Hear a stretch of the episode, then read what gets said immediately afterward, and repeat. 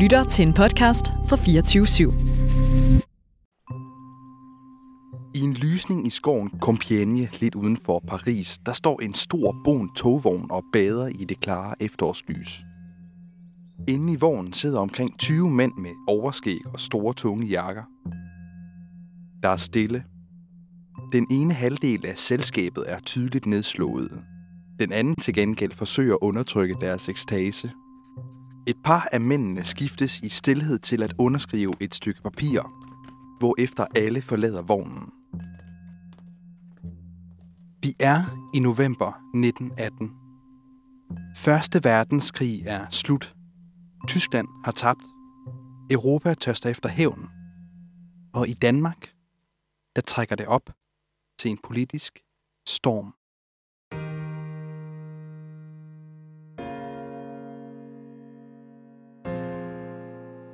Mit navn er Oscar, og du lytter til historier fra historien. Et podcast om alle de virkelige og voldsomme fortællinger fra vores fælles fortid, som du måske ikke er blevet fortalt endnu. Det her, det er første del af fortællingen om påskekrisen. En af de største politiske kriser i moderne dansk historie. En krise, der både handler om national ære, international diplomati og hvem der egentlig har magten i Danmark. Det her det er en utrolig kompleks konflikt, der både involverer valglove, kommissioner, kongehuset, socialister og vildt mange underlige beslutninger. I de næste tre afsnit, der vil vi tage dig i hånden og forsøge at lede dig igennem den her ret indviklede krise, der endte med at bringe landet på randen af revolutionen. Lyt med, og husk for guds skyld at høre efter. For dem, der ikke husker historien, er dømt til at gentage den. Luk øjnene og forestil dig Danmark. Hvad tænker du på?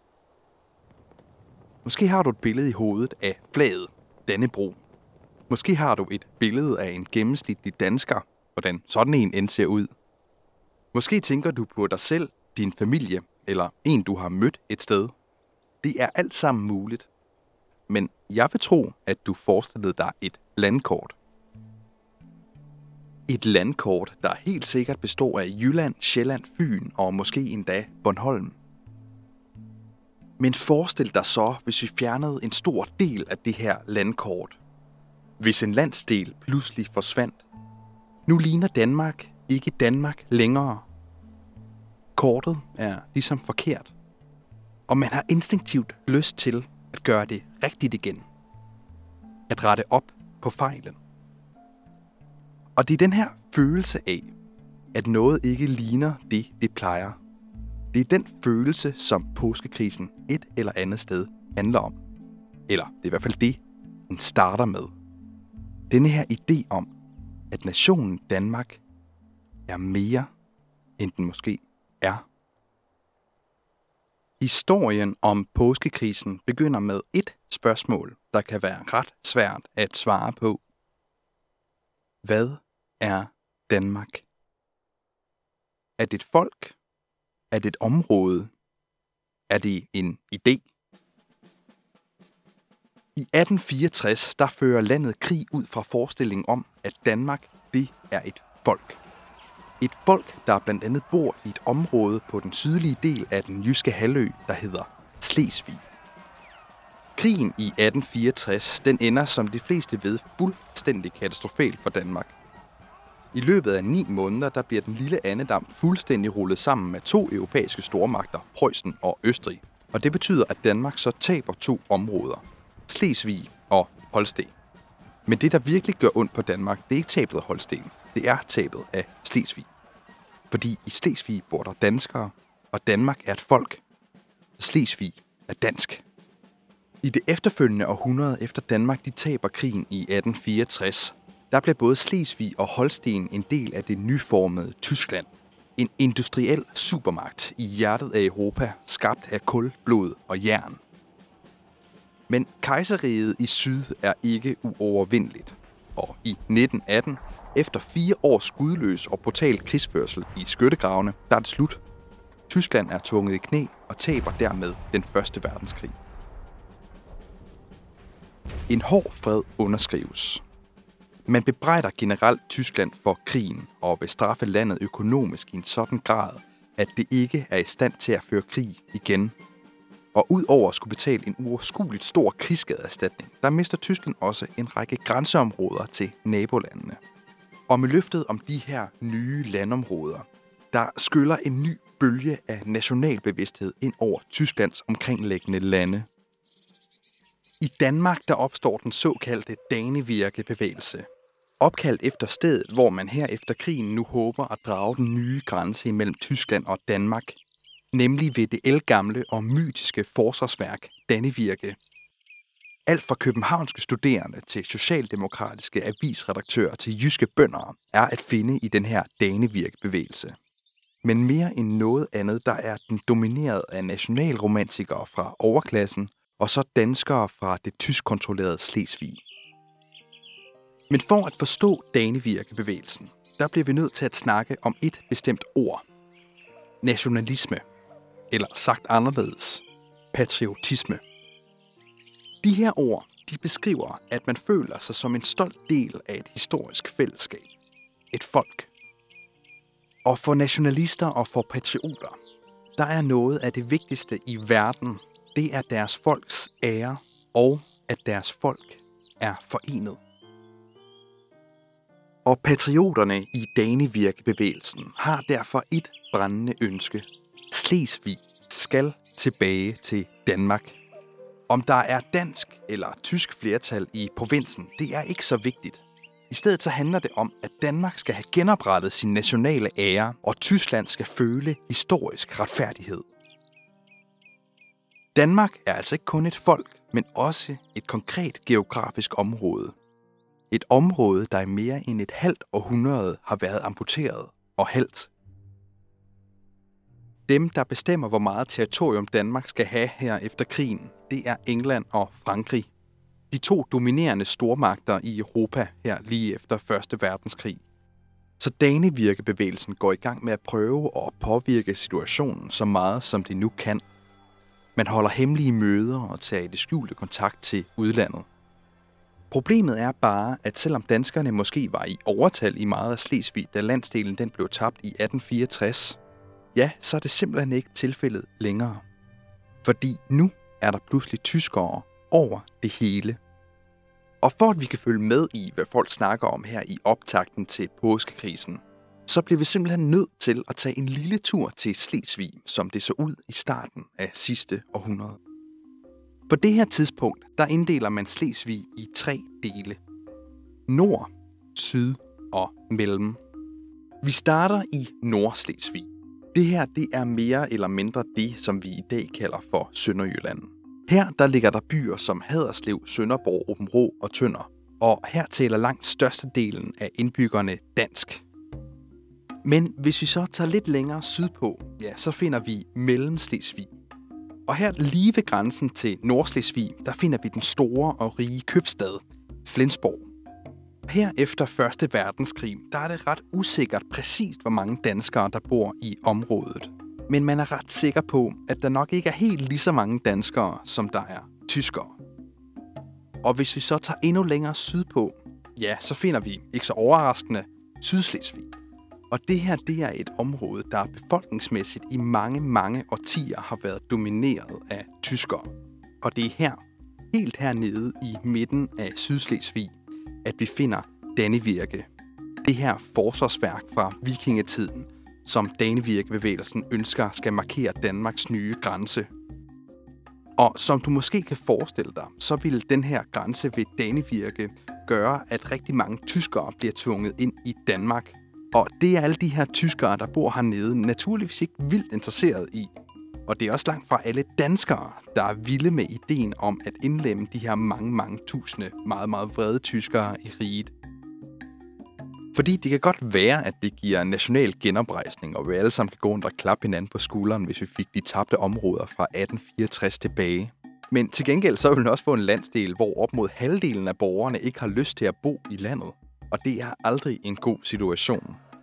I bedste fald, der ville det lede til massiv uro i Slesvig, og i værste fald, der ville det lede til en fuldbyrdet tysk invasion af Annedammen inden for få årtier. Og så er den nationale genoprejsning måske ikke så meget værd igen. Langsomt der bliver det her også tydeligt for mange i Danevirkebevægelsen, at den her drøm om erhvervelsen af hele Slesvig måske er en smule urealistisk. Man begynder i stedet at fokusere på en enkelt by. Flensborg. Den er det sidste patrioterne har tilbage. Den største og økonomisk rigeste by i Slesvig med et stort dansk mindretal. Den skal være en del af Danmark. Lige meget hvad. Og med et, der bliver Flensborg et nationalt symbol. Et samlingspunkt for de stadig ret ømme følelser fra 1864.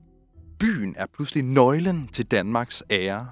I ledere i dagbladet til massedemonstrationer og i underskriftindsamlinger, der tordner man entusiastisk for indlemmelsen af Flensborg. I avisen der kan man blandt andet læse, Den sidste kamp skal ende med sejren. Der lyder nye toner fra Sønderjylland, fra kyst til kyst, fra nord til syd, samles de danske til møder, præget af enighed og sej styrke. Våbene smedes, planerne lægges, man ruster sig til den sidste kamp, før Dannebro på ny går til tops. I begyndelsen af marts 1919, der finder danskerne endelig ud af, hvad det er, der skal ske. Det besluttes, at der på tværs af Slesvig skal holdes en lang række folkeafstemninger, hvor indbyggerne selv skal stemme om, hvilket land de helst vil bo i. Første verdenskrigs sejrende magter stifter så en international kommission bestående af repræsentanter fra England, Frankrig, Norge og Sverige. Og på basis af de her afstemninger, der skal kommissionen så lave et forslag til den konkrete grænse imellem Tyskland og Danmark, og det skal så vedtages igen af Europas sejrende magter. Umiddelbart der lyder det her kommissionsarbejde ret tørt og ligegyldigt. Man skal jo bare tegne linjer efter en afstemning, og så er det ikke engang dem, der bestemmer. Men i det højspændte politiske klima i Danmark, der bliver den her kommission hurtigt omdrejningspunktet for et kæmpe politisk drama. Fordi at selvom at der altså skal afholdes en stor afstemning, så er der også mulighed for, at kommissionens grænsedragning fuldstændig kan ignorere afstemningsresultatet for at tage hensyn til økonomiske og geografiske forhold. Forhold, som folkene i Danevirkebevægelsen absolut mener klart taler for, at Flensborg den skal gå Danmark. Hvis Danevirkebevægelsen altså bare kan overbevise kommissionsmedlemmerne om at anbefale en bestemt grænse til Frankrig og England, ja, så er vejen banet for Flensborgs tilbagekomst. Eller næsten. Der er nemlig et ret stort problem. Regeringen. Fordi selvom Danevirkebevægelsen altså skulle overbevise kommissionen om, at det er en rigtig god idé at give Danmark Flensborg, så nytter det jo ikke noget, hvis landets nuværende ledere bare siger nej tak til byen. Men hvem er så regeringen? Jo, her bliver vi nødt til at stoppe op og kigge lidt på det politiske billede dengang i Danmark. På det her tidspunkt der er der fire store partier i Danmark. De eksisterer heldigvis alle sammen stadigvæk i dag, så de er nemme at holde styr på. Radikale Venstre sidder på magten i Danmark med støtte fra Socialdemokratiet. I oppositionen sidder så det konservative Folkeparti og Venstre, der på det her tidspunkt er landets største parti. Vi er i året 1920, og på det her tidspunkt der har de radikale godt og vel siddet syv år på magten. Men på det sidste der er regeringen blevet mere og mere upopulær. Og efter det seneste valg to år forinden, der regerer den kun med et meget snævert flertal i Folketinget.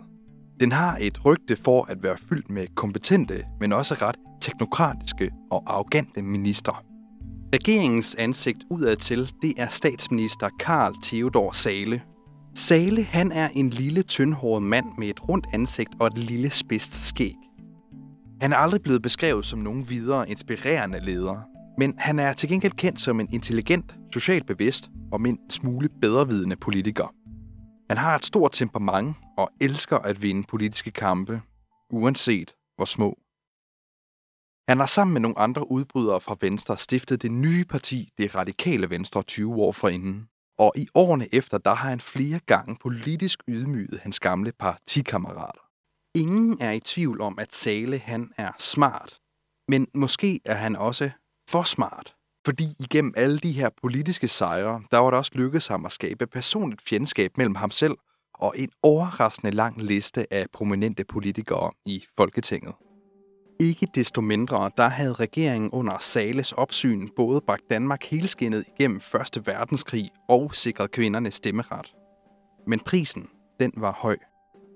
Fordi selvom landet ikke havde været i krig, så er Danmark stadig meget berørt af den hidtil mest destruktive konflikt i menneskehedens historie. De fattige er blevet fattigere, der er færre varer og mere statskontrol. Oppositionen kalder de radikale for maskerede socialister, mens den yderste venstrefløj plotter revolution. To år forinden er børsen blevet stormet af kommunister. Der havde været røde spektakler på Grøntorvet, og så er der desuden optræk til en debiliterende stor konflikt på arbejdsmarkedet. Og midt i alt den her sociale uro, der vandrer der så et nyt, massivt spørgsmål ind på scenen. Flensborg. Både det radikale venstre og Socialdemokratiet er lodret imod, at Flensborg skal blive dansk, hvis der ikke er dansk flertal i byen. Og blandt regeringsministre, der omtales den opildnede stemning i Danevirkebevægelsen som Flensborg-psykosen. Oppositionen er til gengæld ret splittet i spørgsmålet. For mens de konservative hurtigt tegner sig som Flensborg-sagens største parlamentariske støtter, så vakler Venstre i midten. Og partiet Venstre, det er på det her tidspunkt ledet af en mand, der kommer til at spille en ret stor rolle i påskekrisen. I.C. Christensen. Han er en 64-årig, bredskuldret og viljefast vestjyde med et stort firkantet ansigt og kort hvidt hår, der stikker op i luften fra toppen af hans hoved – som mangeårig formand for Venstre, der styrer IC-partiet som en general. Politiske sager bliver som regel egenhændigt afgjort af ham efter en rådslagning med to andre folketingsmedlemmer fra Venstretoppen. Så hvad IC mener om Flensborgs indlemmelse, det er derfor ret vigtigt. Men Venstrehøvdingens holdning, den er kompliceret. Det er meget svært at afgøre, hvor mange af IC's udtalelser, der er udtryk for hans personlige holdning til Flensborg-spørgsmålet, og hvor mange af hans udtalelser, der bare er kløgtigt politisk spil. Der er ingen tvivl om, at han starter med at være fortaler for, at Danmark kun skal have områder med dansk flertal. Men det ændrer sig langsomt, som der piskes en patriotisk iver op omkring Flensborg. Mange af IC's kernevælgere er vilde med ideen, og oven i det så er en af sagens største modstandere, statsministeren, altså Theodor Sale, en mand, som I.C. Christensen nærer et inderligt had til. 15 år tidligere, der havde Sale spittet IC's parti Venstre ved at stifte det nye parti, det radikale Venstre. Og så havde den nuværende statsminister forresten politisk givet IC fingeren så mange gange i løbet af det sidste årti, at venstrelederen han var stoppet med at tælle. Og muligvis derfor, der skifter venstreløven holdning. Fordi i begyndelsen af 1920, der udtaler han pludselig, at han godt kan gå med til, at Danmark får Flensborg, selvom danskerne måske ikke står for over 50 procent af stemmerne. Nu er hele oppositionen altså mere eller mindre samlet i et ret populært krav om, at Flensborg den skal blive dansk. Situationen spidser lige så langsomt til. Og ude på sidelinjen, der sidder en af de på papiret mest indflydelsesrige mennesker i Danmark og følger med. Han har i længere tid haft en lang række ret stærke meninger om grænsespørgsmålet. Men han har ikke offentligt sagt noget endnu. På det her tidspunkt i 1920, der har Christian den 10. af Danmark været konge i godt 8 år. Han er høj og rank med en kort frisyr og et lille tæt overskæg. Hvis man spottede ham i bybilledet, var det næsten altid i uniform. Kongen var nemlig uddannet i hæren og nærede en dyb interesse for alt, der havde noget med militæret at gøre. Christian han kan som så mange andre ikke fordrage den siddende regering. Han mener, at de er et rigtigt pak socialistiske ateister, og han frygter, at de totalt har tænkt sig at ignorere Danmarks nationale ære i grænsespørgsmålet. Og som tiden går, der overvejer han mere og mere, om det måske ikke er hans pligt at gribe ind i situationen. Han er jo konge. Og når kongen han overvejer at blande sig i politik, selvom Danmark jo altså har et folkevalgt parlament, der regerer landet, så er det fordi, at reglerne om magten og hvem der har den, ja, de er ikke helt lige så faste, som de er i dag. I 1920 der er det mindre end 20 år siden, at man overhovedet er blevet enige om, at man i et demokrati som Danmark ikke kan beholde magten uden et flertal i Folketinget. Kongen har teknisk set stadig magten til at udnævne og afskedige regeringer og ministre. Men han har offentligt erklæret, at han kun vil gøre dette på råd fra en regering, der har flertal. Men på trods af det, der mener kongen alligevel, at det her med at udnævne og afskedige ministre, det er et politisk redskab, som han er i sin fulde ret til at bruge. Han er jo kongen. Så det, at Christian pludselig synes, at han måske skulle til at blande sig i politik, er ikke lige så overraskende og underligt, som det måske lyder. Han havde faktisk gjort det tidligere med stor succes under kriser både i 1914 og 1916. Og de her kriser, de var gået så godt, at han havde fået overbevist sig selv om, at han var en født statsmand. Danevirkebevægelsen den hører hurtigt om Christians holdninger til grænsespørgsmålet. Og snart der har de samlet en kreds af nationalsindede rundt om kongen, der alle sammen har gjort deres bedste for at viske ham gode råd i øret. Fordi det kan jo godt være, at kongen tidligere har lovet, at han ikke vil afskede i en regering, der har flertal i Folketinget.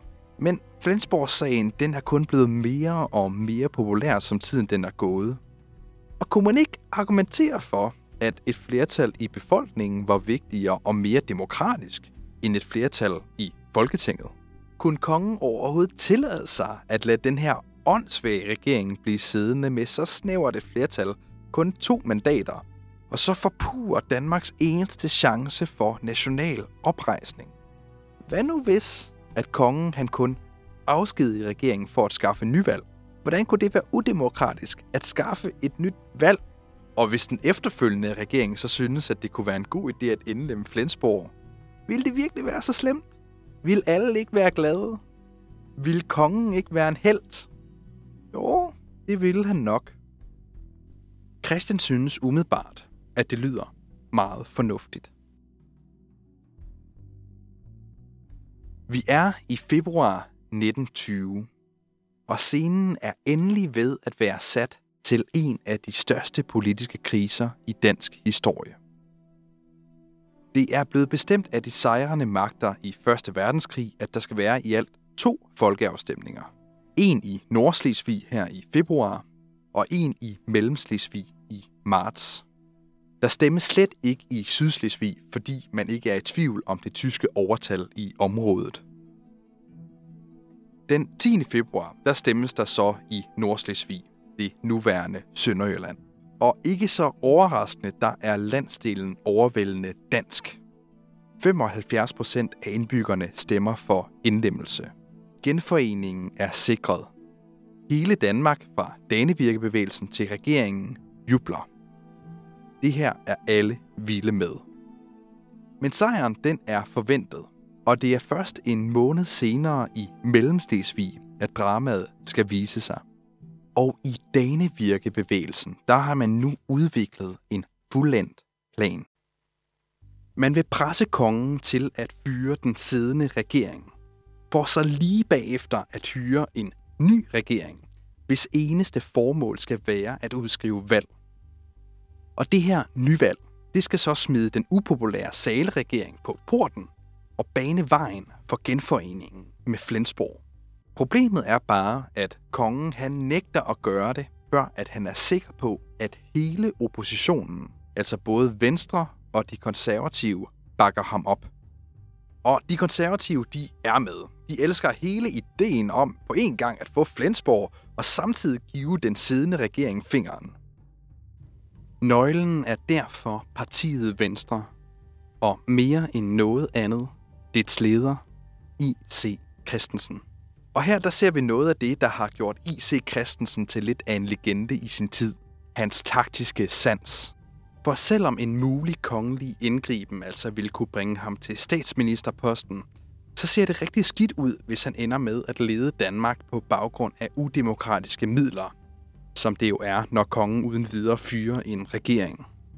Og af den grund, der har IC bevidst været afventende og nølende – han har kun snakket med folk igennem stedfortrædere og lejlighedsvis hemmelige breve. Der er ingen løfter, der er ingen direkte deltagelse i plottet.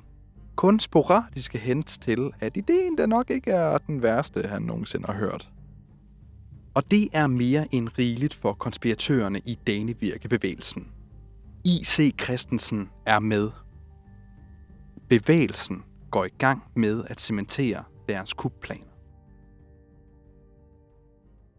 Og nu vokser presset på kongens støt, administreret af Danevirkebevægelsen. Den 6. marts fanger en leder i den konservative avis Nationaltidende Folkestemningen. Et folks nationale sundhed måles på dets indre sammenhold og dets beredvillighed til at bringe offer for at bevare denne.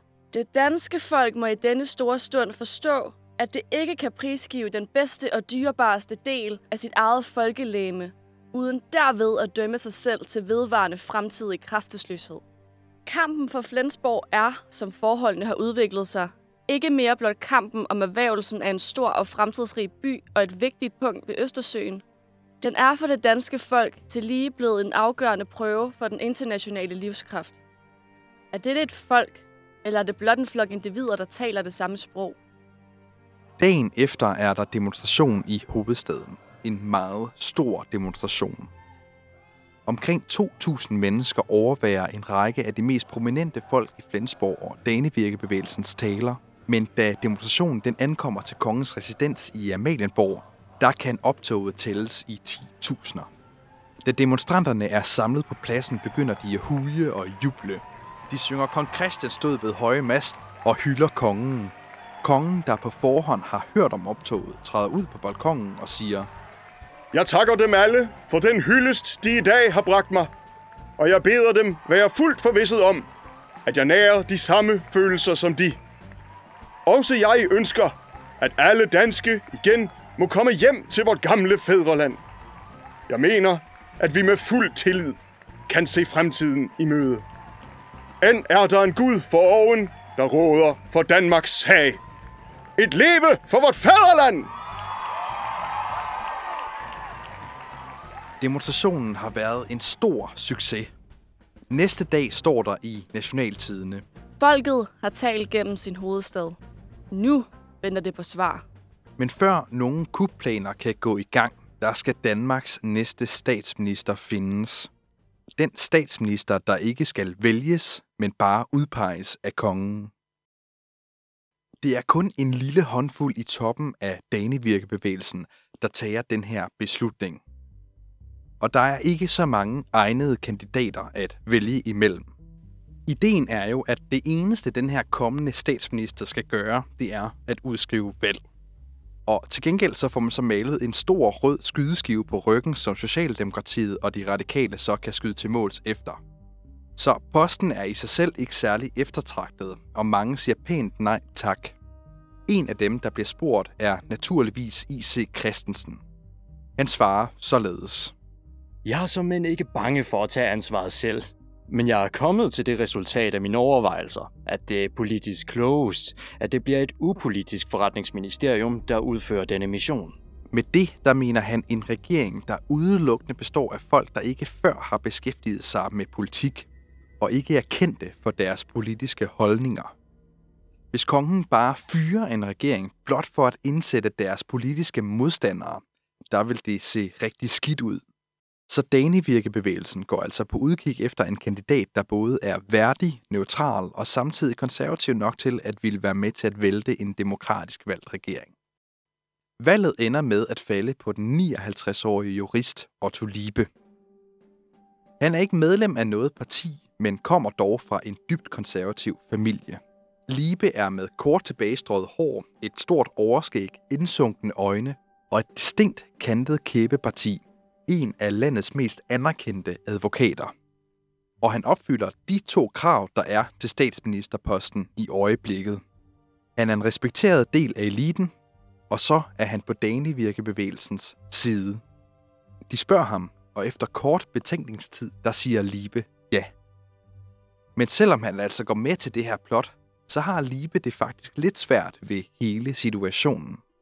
Han er egentlig ikke særlig vild med at skulle være med til at vælte en demokratisk valgt regering. Men han gør det alligevel, fordi han synes, det er vigtigt at gøre. Ikke så meget med Flensborg-spørgsmålet i mente, men mere på grund af den siddende radikale regering og dets undertrykkelse af initiativ og arbejdsløst inden for erhvervslivet, samt dets lovrund for arbejderstandens uheldigste elementer igennem den kritikløse uddelelse af arbejdsløshedsunderstøttelse. Kort sagt mener Otto Liebe, at regeringen er nogle landsundergravende idioter. Dominobrikkerne er sat op. Det aftales, at kuppet skal finde sted en gang efter afstemningerne i Mellemslesvig i marts, når man ved, hvordan landet ligger. Men Liebe han føler sig slet ikke klar. Han havde forestillet sig en langt mere kompleks proces, der involverer et folkevalgt kammer, der hedder Landstinget, et mistillidsvotum og nogle andre parlamentariske krumspring. Han vil egentlig bare gerne have, at det hele fremstår bare en kende mere demokratisk end den nuværende plan, hvor kongen mere eller mindre bare befaler regeringen, at den skal gå sin vej. Men begivenhederne har på det her tidspunkt fået deres eget momentum. Libe bedes nu opgive sin adresse til kongen, da han skal en tur ud i Sjælland. Så kan han hurtigt kontaktes, hvis han pludselig skal være landets næste statsminister. Vi er i begyndelsen af marts 1920, og langsomt der nærmer vi os den altafgørende folkeafstemning i Flensborg og resten af Mellemslesvig. Der bliver telefoneret voldsomt imellem danevirkefolkene. Atmosfæren i hele landet er fiberagtig, og der er en bestemt følelse af, at det er nu.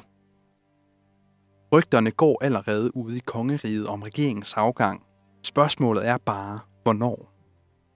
Og endelig der oprinder dagen. Det er den 14. marts 1920, og det er tid til den sidste folkeafstemning i Slesvig. Procenten af danskere i Flensborg afgør alt. Jo højere resultatet bliver, jo tættere det kommer på 50% eller over, jo større er sandsynligheden for, at Flensborg, eller måske endda hele Slesvig, indlemmes. Og hvis det sker, ja, så kan man måske endelig få Danivirkegrænsen. Den grænse, som danske patrioter har drømt om siden midten af 1800-tallet. Det her, det drejer sig om den ultimative nationale rejsning. Om at sætte Danmark tilbage på Europakortet som en værdig stat. Om at give de fæle tyskere en lærestreg. Og det hele, det ser ud til at blive afgjort af resultaterne i Mellemslesvig. Og dem kan du høre om næste gang. Historier fra historien er produceret i samarbejde med Radio Loud. Det her afsnit det var skrevet og redigeret af mig, Oscar Bundgaard og Josefine Utoft. Redaktionen består desuden af Sofie Ol Winkler. Tusind tak til Ruben Jebsen og Anders Kjær Nielsen for at låne os deres skuespilstalent. Det her afsnit det er blevet skabt på baggrund af en lang række forskellige kilder, men det er særligt baseret på Tage Kårsteds fine bog, Påskekrisen 1920. Hvis du godt kunne lide det, du hørte, så må du meget gerne fortælle det til en ven. Giv os nogle stjerner på iTunes eller like os på Facebook. Jo mere opmærksomhed vi får, jo større er chancen for, at vi får lov til at lave nogle flere af de her afsnit. Indtil da, tusind tak, fordi du lyttede med, og jeg håber inderligt, at vi høres ved.